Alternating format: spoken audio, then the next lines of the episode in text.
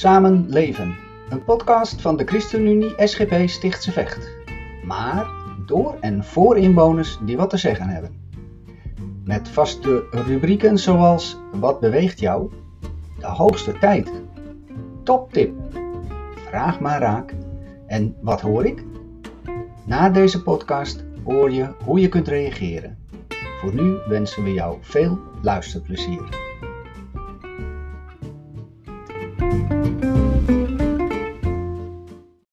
Aflevering 5. Dit keer een iets andere vorm. Ik ben hier aangekomen bij uh, ja, Stro op de Oude Gracht in Utrecht. En hier naast mij zit... Henk van Arkel. Dag Henk. Wat leuk dat wij, uh, ik bij jou langs mag komen.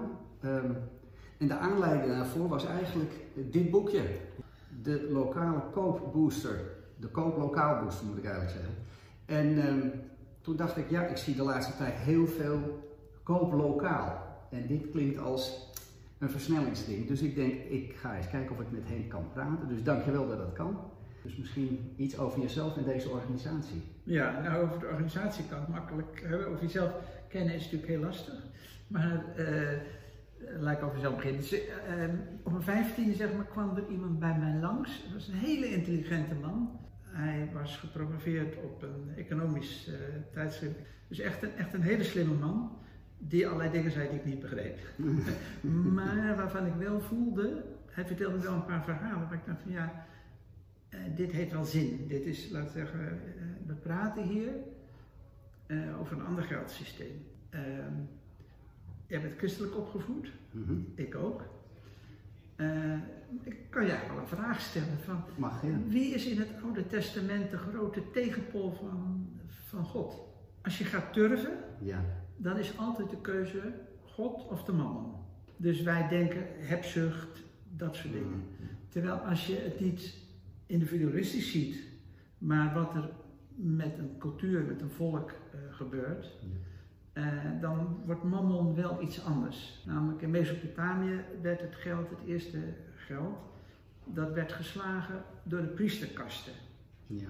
En dat, werd, dat was eigenlijk het tempelgoud, was daar de basis van de uitgifte van het geld.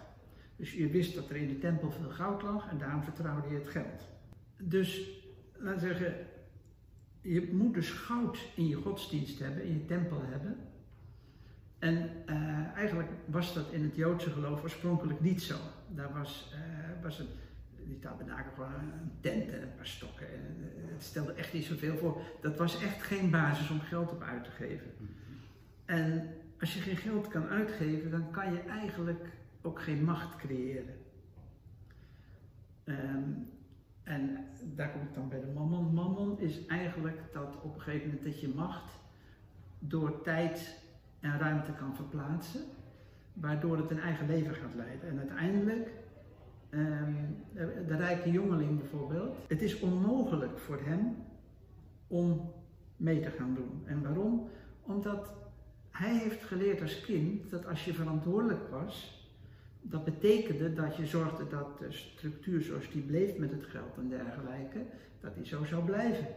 Dat, dat is wat je meekreeg van huis uit. Dus je hebt zo'n enorme last op je schouders van denkbeelden, net als wij nu hebben. Als je denkt dat de mammon uh, greed is, of, uh, hebberigheid is, zou ik maar zeggen, en zo, dan daar kom je niet zo heel makkelijk vandaan. Want dan moet je dus een, ook je familie die denkt dat ze redelijk is, je rijke familie, en die vindt dat zo de welvaart wordt gecreëerd doordat zij daar de bron van zijn, die moet je dan, dan moet je zeggen, ja maar dat, dat zijn jullie helemaal niet.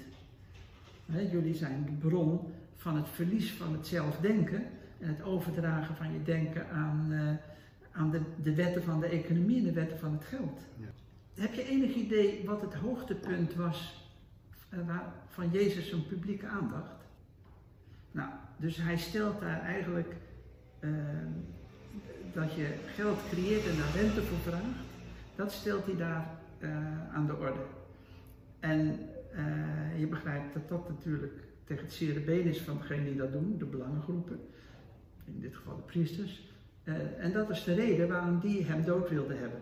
Mijn visie op geld is altijd zo geweest van dit is niet goed. Dat heeft te maken met een, een vorm van dwangmatige groei die zich niet op kwaliteit richt. Want bij kwaliteit heb je minder afhankelijkheid. Hè? Dus als jij jouw spullen verslijten, dan moet je weer naar de winkel. Mhm. Als je iets heel goeds hebt wat ja, heel lang meegaat, ik, ik eh, een wasmachine die 30 jaar meegaat, eh, ja, dan kom je eigenlijk nooit meer in de winkel. Dus dat is echt niet de bedoeling. Dus ehm, d- daar is- dat systeem werkt zo. En, en dat is economisch gezien verstandig. Die macht van het geld, daar had ik zoiets van, dat, dat klopt niet. Dat moet anders. En die voorbeelden die die, eh, die persoon mij gaf, dat ene uit Virgo en het andere uit Lien en Berry, eh, dat waren dus voorbeelden dat je kon zien van, hé, hey, het kan ook. Sterker nog, het kan zich in de markt, is het competitief met het gewone geld. Mhm. Er moet dus, eh, laten we zeggen, staatsmacht eh, moet er aan te pas komen om het in de kiem te smoren, zeg maar. Nou, daar kon ik dus verder weinig mee, want ja, die macht is er nog steeds natuurlijk, dat, dat is duidelijk. Maar toen op een gegeven moment toen kregen we hier een computer. Maar wat het leuke daarvan was, die kon je in de telefoonuitgang stoppen. En toen realiseerde ik me van, oké, dat kan je aan elkaar koppelen. Dus dat is gewoon mogelijk om daar een netwerk van te bouwen. En eh, dan betekent dat je dus informatie over transacties en dergelijke ook kan overpiepen. En dan is het begrip geld in één keer enorm verruimd. Nou, zijn we gaan kijken wat voor software is er. Wij wilden de, nature of geld, zou ik maar zeggen, innoveren. En daar hadden we wat andere dingen voor nodig. Dus we zijn we hebben een softwarebedrijf begonnen. En, eh, dus als gewone banksoftware draait die goed. Ehm, dus ik heb die, laten we zeggen, vanuit mijn achtergrond heb ik een bepaald idee over geld. Vanuit mijn achtergrond eh, zie ik de noodzaak eh, op milieugebied om de economie drastisch te hervormen, zie ik heel sterk. En het is natuurlijk op het gebied van armoede, hoef je helemaal niet moeilijk erover te doen. Dit is een absoluut fataal eh, systeem. Mhm. Die gewoon accepteert dat mensen langdurig alle kansen ontnomen worden. Dat, dat is eigenlijk, eh, eh, ja, dat, dat is te onnozel voor woorden dat we dat nog accepteren. In de tijd dat je de Washington Consensus, weet je wel, van nou, het- je krijgt dat trickle-down, dus je, de, een exporterende industrie, handig voor ons, krijgen we wat die grondstoffen, en dan komt dat allemaal wel in orde. Ja, dan zeg ik van ja, een exporterende, dat betekent dat een paar mensen heel veel geld krijgen in zo'n land. Mhm. Enorme corruptie eh, stimuleert dat. Maar die gaan ook allemaal hun geld uitgeven aan auto's en veiligheidscamera's en weet ik niet wat. En heel weinig in het land. Ik bedoel, het is toch echt een andere ontwikkeling dan in Nederland in pakweg 17, 1800. Want ja, als je rijk was, eh, dan, dan bouwde je eh, prachtig huis. Maar dat betekent wel dat allerlei mensen betaald werden om dat ding te bouwen. En had je een hele hoop personeel, maar die werden ook allemaal wel betaald. Dus dat geld, dat bleef stromen. Ja. En zelfs een industrieel die veel verdiende, die breidde eigenlijk vooral zijn industrie uit. Dus had hij weer nieuwe machines, nieuwe gebouwen en dergelijke nodig. De echte overwinning van, van het geld is dat we denken dat een hele hoop redelijke mensen denken dat het redelijk is wat ze doen en een uitkomst creëren waardoor we straks de aarde hebben vernietigd en ondertussen enorm veel mensen in onnodige armoede hebben laten zitten. Naar aanleiding van het boek ook, Ja. hè, eh, die, maar die als mensen het boek lezen misschien ook wel eh, eh, bij mensen op zouden kunnen komen. Maar, maar eerst even naar het eerste hoofdstuk, of eigenlijk de inleiding. Daar staat de term Amazonisering. En klinkt misschien heel logisch, maar misschien toch goed om even te vertellen wat daar nou eigenlijk mee wordt bedoeld. Dat worden molochen, zeg maar, die zo groot worden eh, dat die eigenlijk gewoon de markt gaan overheersen. Nou is nog het verschil met eh, Google en Windows en zo, daar kan je nog opbreken. Mhm. Maar iets wat gebaseerd is op de levering van fysieke producten en diensten eh, in die sector, is juridisch ook veel lastiger om, eh, om dat om te breken. Wat En je krijgt daar dus een, een, eh, de supply chains, Ja, als je dus de, de, de leveranciersketens, ja. eh, die, die, wat je dus ziet, die worden steeds globaler.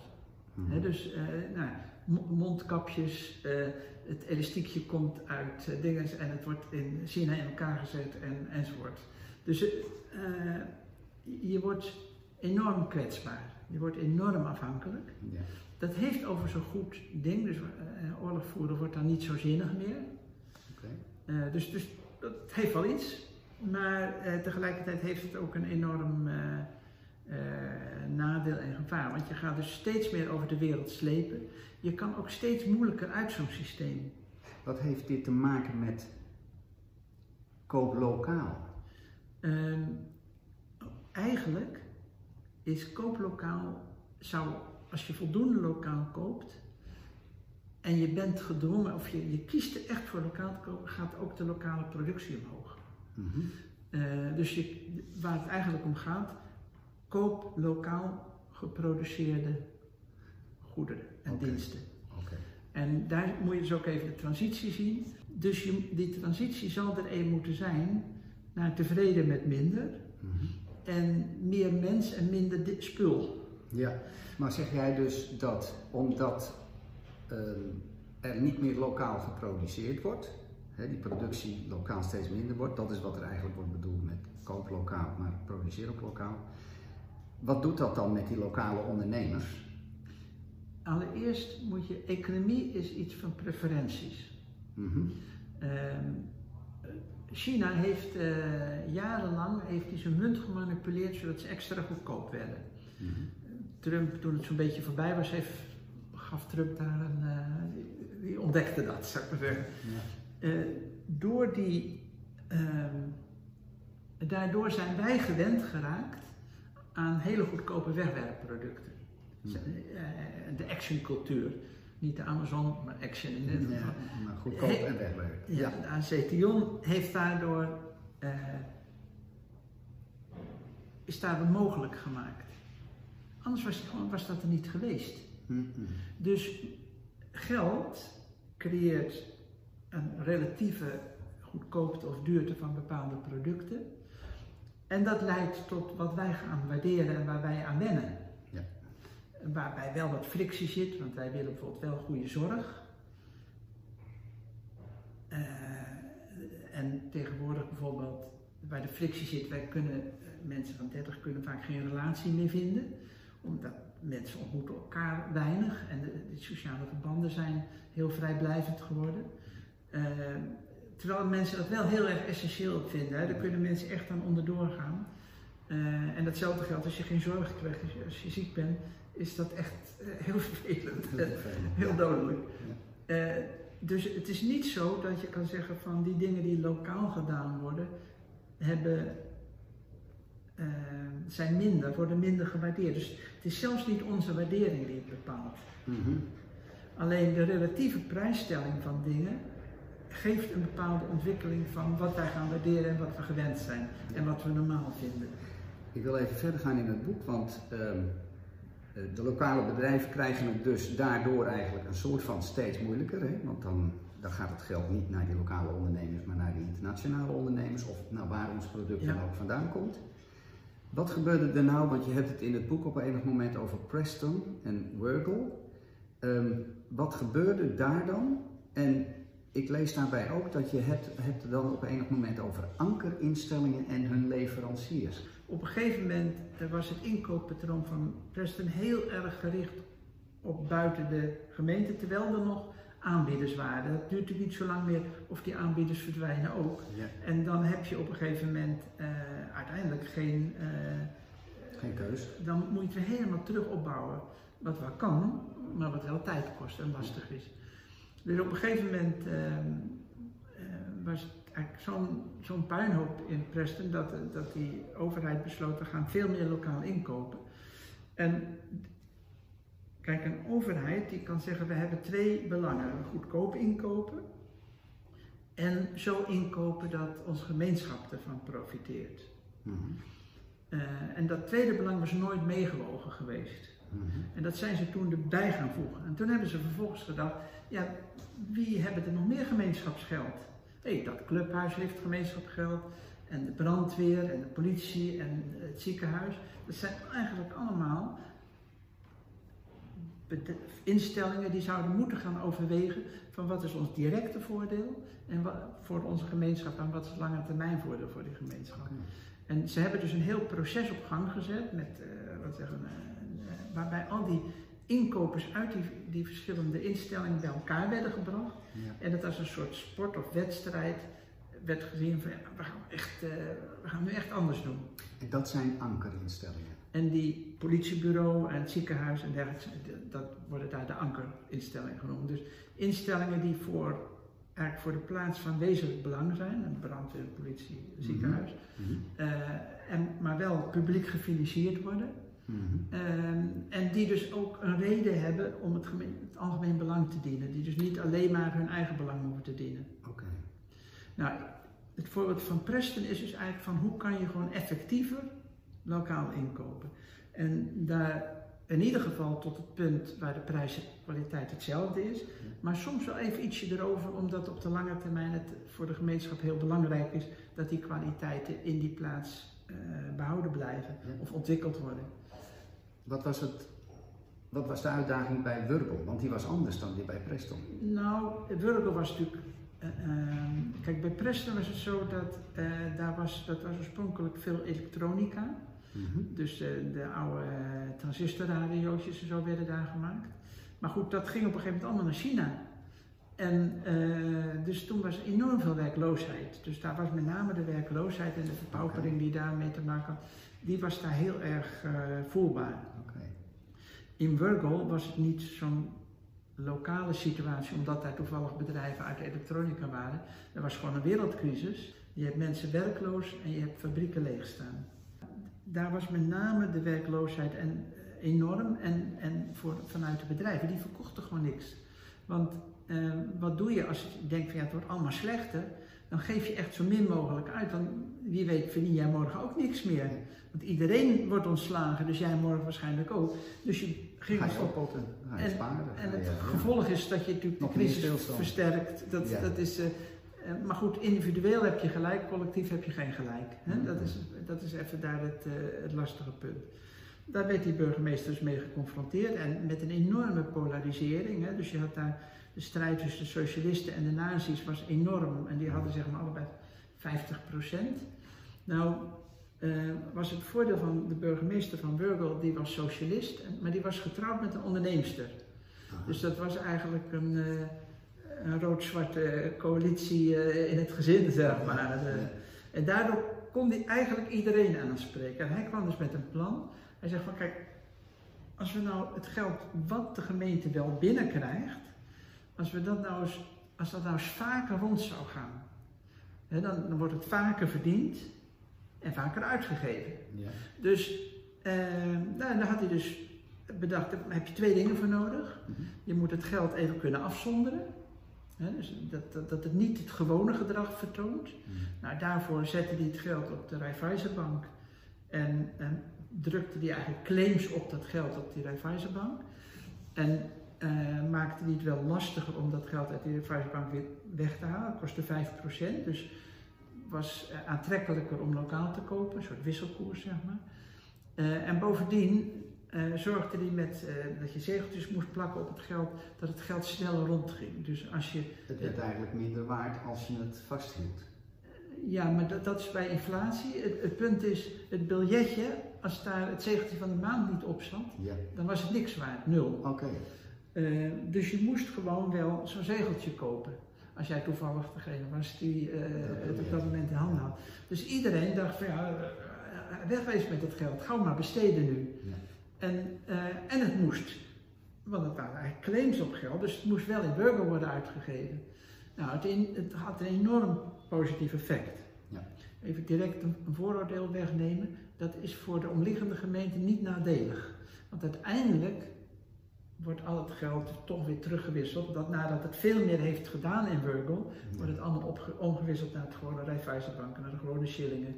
En wordt het gewoon weer elders uitgegeven zoals altijd. Dus mogelijk is er een, een maandje of twee maandje een lep in, zeg maar zeggen. Maar, Ja. maar dat, dat, eh, ja, dat kan je verwaarlozen. Dus, Nou, dat is alvast een antwoord op een van de vragen Ja, die er natuurlijk leeft. een van de als we allemaal ja. lokaal gaan doen en iedereen doet dat, ja, wat heb je dan opgelost? Ja, dan worden we allemaal beter. Allemaal eh, gaat het beter. Kunnen we ook allemaal meer bijdragen aan het collectieve, eh, aan belastingen dus. Ja.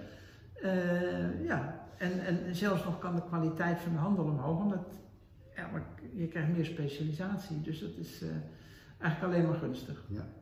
Ik denk dat je, in, dat je ook al iets hebt verteld misschien daarover, maar toch nog even heel specifiek. eh, eh, hoe werkt het eh, voorstel waar je het in de kooplokaal booster over hebt nu in de kern? Want het heeft iets met Preston en Burgle te maken, Ja. maar op een iets andere manier. Nou ja, het heeft met de intentie van de overheid en de publieke instellingen te maken. Dat die moet zeggen, ja, eh wij hebben twee belangen te dienen. Zo goedkoop mogelijk en zo voor de gemeenschap zo goed mogelijk. Ja.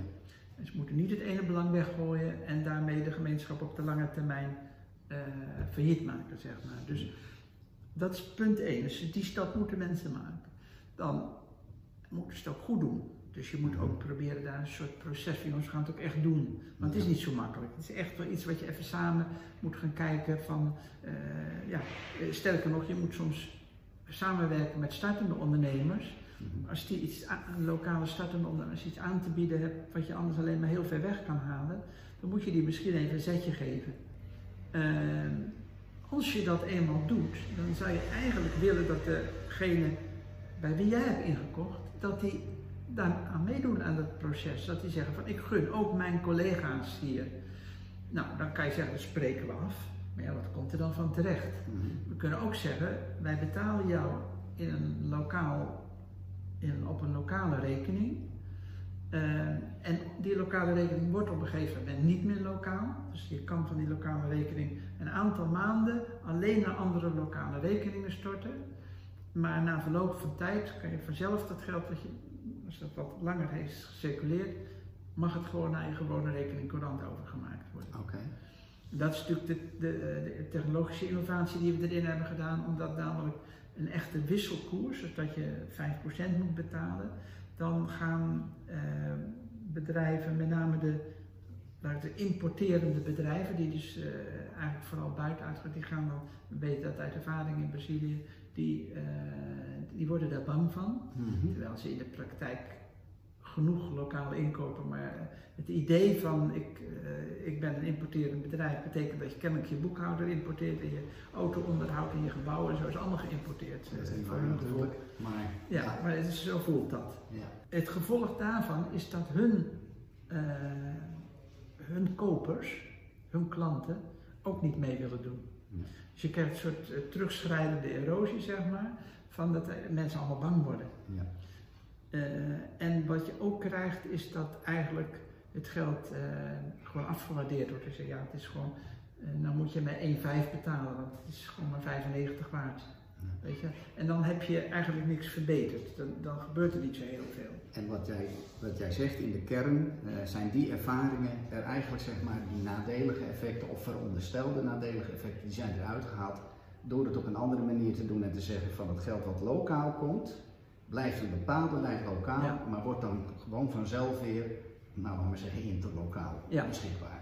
Je hebt het ook over software eh, iedere keer. Het, ehm, er is ook software wat dit ondersteunt. Dit, eh, Ja, dus, dus wat ik zeg, eh, eerder vertelde, we zijn, eh, hebben softwarebedrijven opgericht.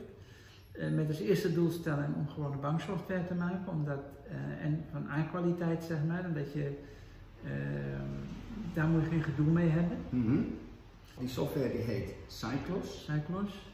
En betekent het dat ik in een winkel dan met een tweede pinautomaat te krijgen krijg als ik moet betalen? Hoe Eh, moet ik nou ja, dat je, voorstellen?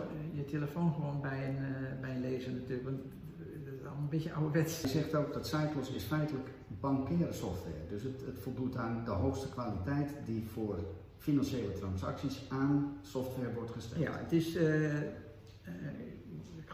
geloof iets van 28 landen of zo is het door de centrale bank eh, toegelaten. En als we dat nou in Stichtsvecht eh, zouden eh, gaan doen, dan zijn wij daarmee de eerste in Nederland. Moet je opschieten. Oh, Maar goed, dat zou kunnen dus inderdaad, ja. Ja. In de kern begrijp ik dat je zegt van ehm, geld moet langer lokaal uh, circuleren. En sneller. En sneller. Dus je moet een mechanisme introduceren waardoor dat ook aantrekkelijk wordt om dat te doen. Um, er moet een makkelijke link zijn naar het gewone geld, zal ik maar zeggen. Je hebt een begin nodig. Dus je hebt op een gegeven moment volume nodig. Mm uh, je zou, als bijvoorbeeld duizend of tienduizend ondernemers tegelijk beslissen we gaan dat doen, kan dat wel. Ja. Dan heb je in één keer voldoende mogelijkheden te besteden. Op het moment dat de gemeente zegt van je luisteren, allemaal leuk en wel, maar wij, wij willen solidair met jullie zijn, maar dan moeten jullie ook solidair met elkaar zijn. Uh, dat is wel zoals het gaat gebeuren. Als je zegt van tegen uh, in die stad van ja, er wordt hier volgend jaar voor 25 miljoen lokaal besteed. Ja. Wie wil er meedoen? Wie wil daarvan? Nou, dan komen die vanzelf. Schaal is belangrijk en er zijn eigenlijk twee manieren uh, om dat te starten. Uh, zoals in Virgo uh, startte dat. Virgo was eigenlijk een lokaal inkoper, maar dan met deze solidariteit erbij. Ja. Maar bijvoorbeeld in, in Sardinië hebben we dat anders gedaan. Daar zijn we dus begonnen puur vanuit de ondernemers. Uh, maar dan moet er dus wel voldoende omzet zijn en dat hebben we vanuit de kredietinvalshoek gedaan. Dus uh, daar kregen alle deelnemers, ja, dat, uh, afhankelijk van, van de grootte van het bedrijf en, en de omzet vorig jaar enzovoort, kregen ze dus een krediet wat ze bij andere collega's konden besteden. En dan krijg je ook al gauw, dus we hebben daar nu, vorig jaar halen we het half miljard aan omzet en dan gewoon een, een, een klein bedrijfje heeft gewoon 20, 30.000 euro extra omzet daardoor. Het is dus niet dat je een soort kapitaal hebt. Nee, dus, nee, nee, besteding. Ja, het gaat Ja. echt om besteding. En uh, dus je hebt eigenlijk ook niks aan, stel dat een investeerder zegt, daar wil ik voor 50.000 in doen. Ja, nee, je moet 50.000 uitgeven. Je Ja. moet niet investeren, je moet uitgeven. Ja, dus dat, eh, eh, daar zit een, wel, wel een punt. En als je dan kijkt naar wie zijn de grote besteders, die kunnen zeggen ik ga zoveel uitgeven, dan kom je toch al wel snel bij een Precies. overheid terecht. Ja. Daarom is dat een soort van logica. Maar als er een grotere onderneming zou zeggen, joh, ik ga zoveel geld lokaal eh, uitgeven, loopt hij ook een gereden risico dat er lokale ondernemers zullen zeggen van nou mag ik aan aanbieden Ja. komen alsjeblieft. Ja. Of bijvoorbeeld, eh, HEMA betaalt eh, pas na een half jaar. Mhm. Stel voor dat, die, dat wij de HEMA zo zouden vertrouwen, dat we zouden zeggen, nou, wij, wij betalen iedereen die een claim op jou heeft, of een claim op de overheid, dat komt hetzelfde neer, die betalen we gewoon na twee dagen in een claim die pas over een half jaar, namelijk op het moment dat jij met het geld komt, eh, omzetbaar is in, eh, in euro's. Dus dan moet je even voorstellen, de gemeente Wurkel zet het geld direct op dag nul, nog voordat het uitgeven op de Raiffeisenbank. Ja. Als je zeker weet dat het er over een half jaar komt, kan je geld, wat het eerste half jaar alleen maar lokaal moet blijven, dus wel al uitgeven. Ja. Nou, dan kan je dus zeggen van, weet je, dan eh, doe je dat niet, geef je er geen zes maanden voor, maar wat acht maanden. En dan krijgt eh, de HEMA ook nog een maand eh, extra liquiditeit bijvoorbeeld. Hè? Dus je kan dat met grote bedrijven doen, want die kunnen daar belang bij hebben. Want dat heeft namelijk twee effecten. A, ze krijgen nog een maand erbij. B, hun leveranciersketen wordt sterker. Want dat is namelijk dat gedrag van die grote bedrijven om die kleine leveranciers uit te knijpen, is eh, desastreus voor henzelf op de lange termijn. Want dat betekent dat steeds minder bedrijven die kunnen dat meemaken. Dus ze creëren eigenlijk dat ze, dat ze geen concurrentie meer hebben in hun leveranciers.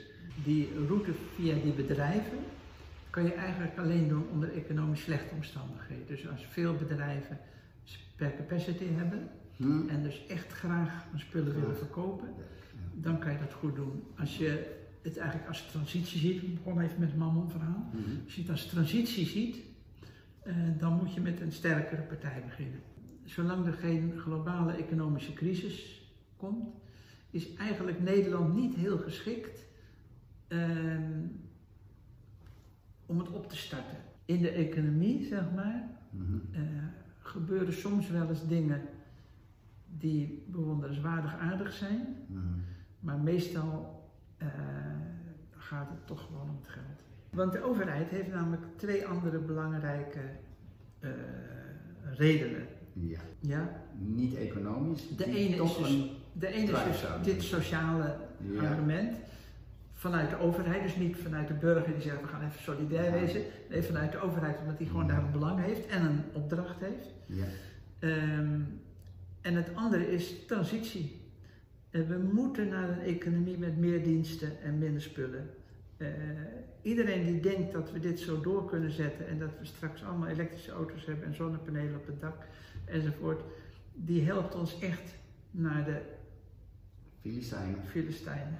We, we moeten nu echt iets in de structuur van de economie, in de prioriteiten van ons leven gaan veranderen. Maar nu praten we niet over het individu, we praten nu over onze kinderen en kleinkinderen. En dan moeten we dus keuzes maken. En dan is natuurlijk het handig als je niet alleen als mensen een keuze hebben voor wat ze belangrijk vinden in het leven, kwaliteit, relaties, zorg, etc.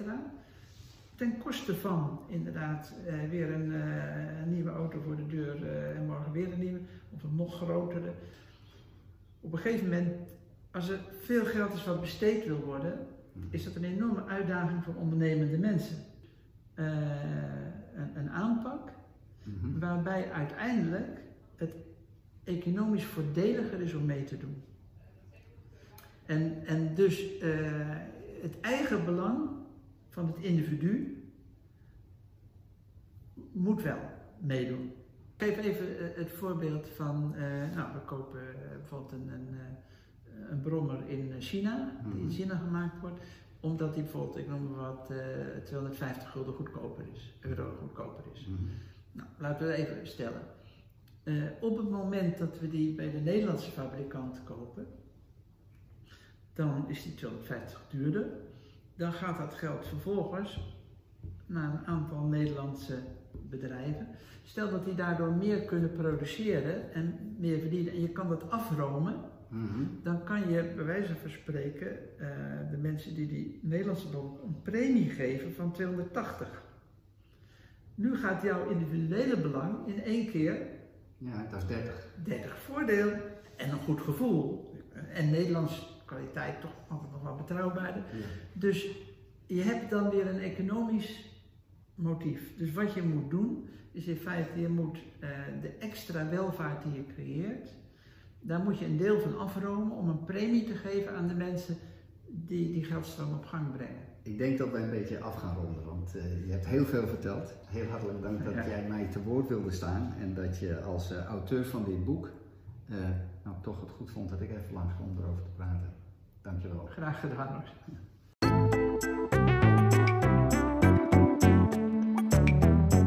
Helaas, deze podcast zit er alweer op. Bedankt voor het luisteren. Je kunt reageren door middel van een korte gesproken reactie via Anchor. Jouw reactie komt misschien terug in de volgende podcast. Wil je een keer aanschuiven? Stuur dan een e-mail met motivatie naar podcast.goedsamenleven.nl. Tot de volgende keer.